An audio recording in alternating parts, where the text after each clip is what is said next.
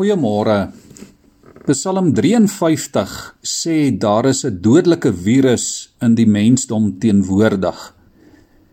En dit is dat die meerderheid mense leef asof daar geen God is nie. Psalm 53 gee selfs vir hierdie virus 'n naam en noem dit dwaasheid. Vers 2 sê dwaase mense maak hulle self wys daar is geen God nie. Dis dwaas om te probeer leef asof God nie bestaan nie.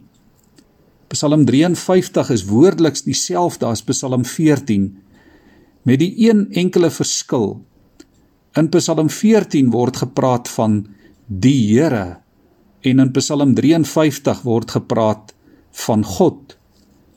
Die naam die Here in Psalm 14 verwys na die God van die verbond, die God van genade, van redding, en die naam God in Psalm 53 verwys na God as die Skepper en na hom as die Almagtige. Hierdie Psalm sê dwaase mense verwerp die genade en die verlossing van God en hulle verwerp God as die almagtige Skepper. Hulle verwerp dit wat God binne in hulle en ook rondom hulle doen. Hulle leef vir hulle self, vir hulle eie voordeel Die dwaas skuif God uit sy lewe uit, uit die kerk uit en uit die wêreld uit. God het nie meer plek in die dwaas se huis nie, ook nie in sy werkplek nie, nie in sy skool nie, nie in sy politiek nie, nie in sy kultuur of in sy samelewing nie. Ook nie in sy bankrekening en in sy ekonomie nie. In die dwaase mense wetenskap en tegnologie is nie plek vir God nie. Psalm 53 het 'n baie interessante opskrif.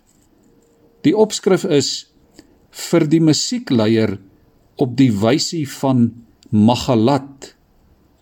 En dadelik wonder ons maar wat op aarde beteken dit?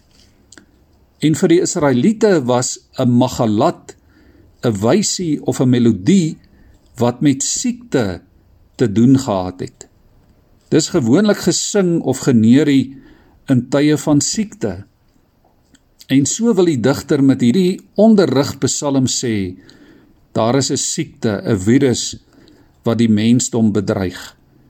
En hierdie siekte se naam is dwaasheid. Om te wil lewe sonder God en asof God nie bestaan nie. Om nie met God rekening te hou nie. Kom ons lees 'n paar verse uit Psalm 53 vir die musiekleier op Magalat 'n maskiel van Dawid. Dwaase maak hulle self wys, daar is geen God nie. Hulle tree gruwelik en afstootlik op. Daar is nie een wat goed doen nie. God kyk vanuit die hemel na die mense om te sien of daar iemand is wat verstandig is. Iemand wat God soek. Maar almal het afgedwaal, almal het ontaard. Daar is nie een wat goed doen nie, nie eers een nie. Is almal wat onreg pleeg dan sonder insig? Hulle wat my volk eet soos 'n mens brood eet. Hulle roep God nie aan nie. Dan oorweldig skrik hulle, hulle skrik soos nog nooit tevore nie.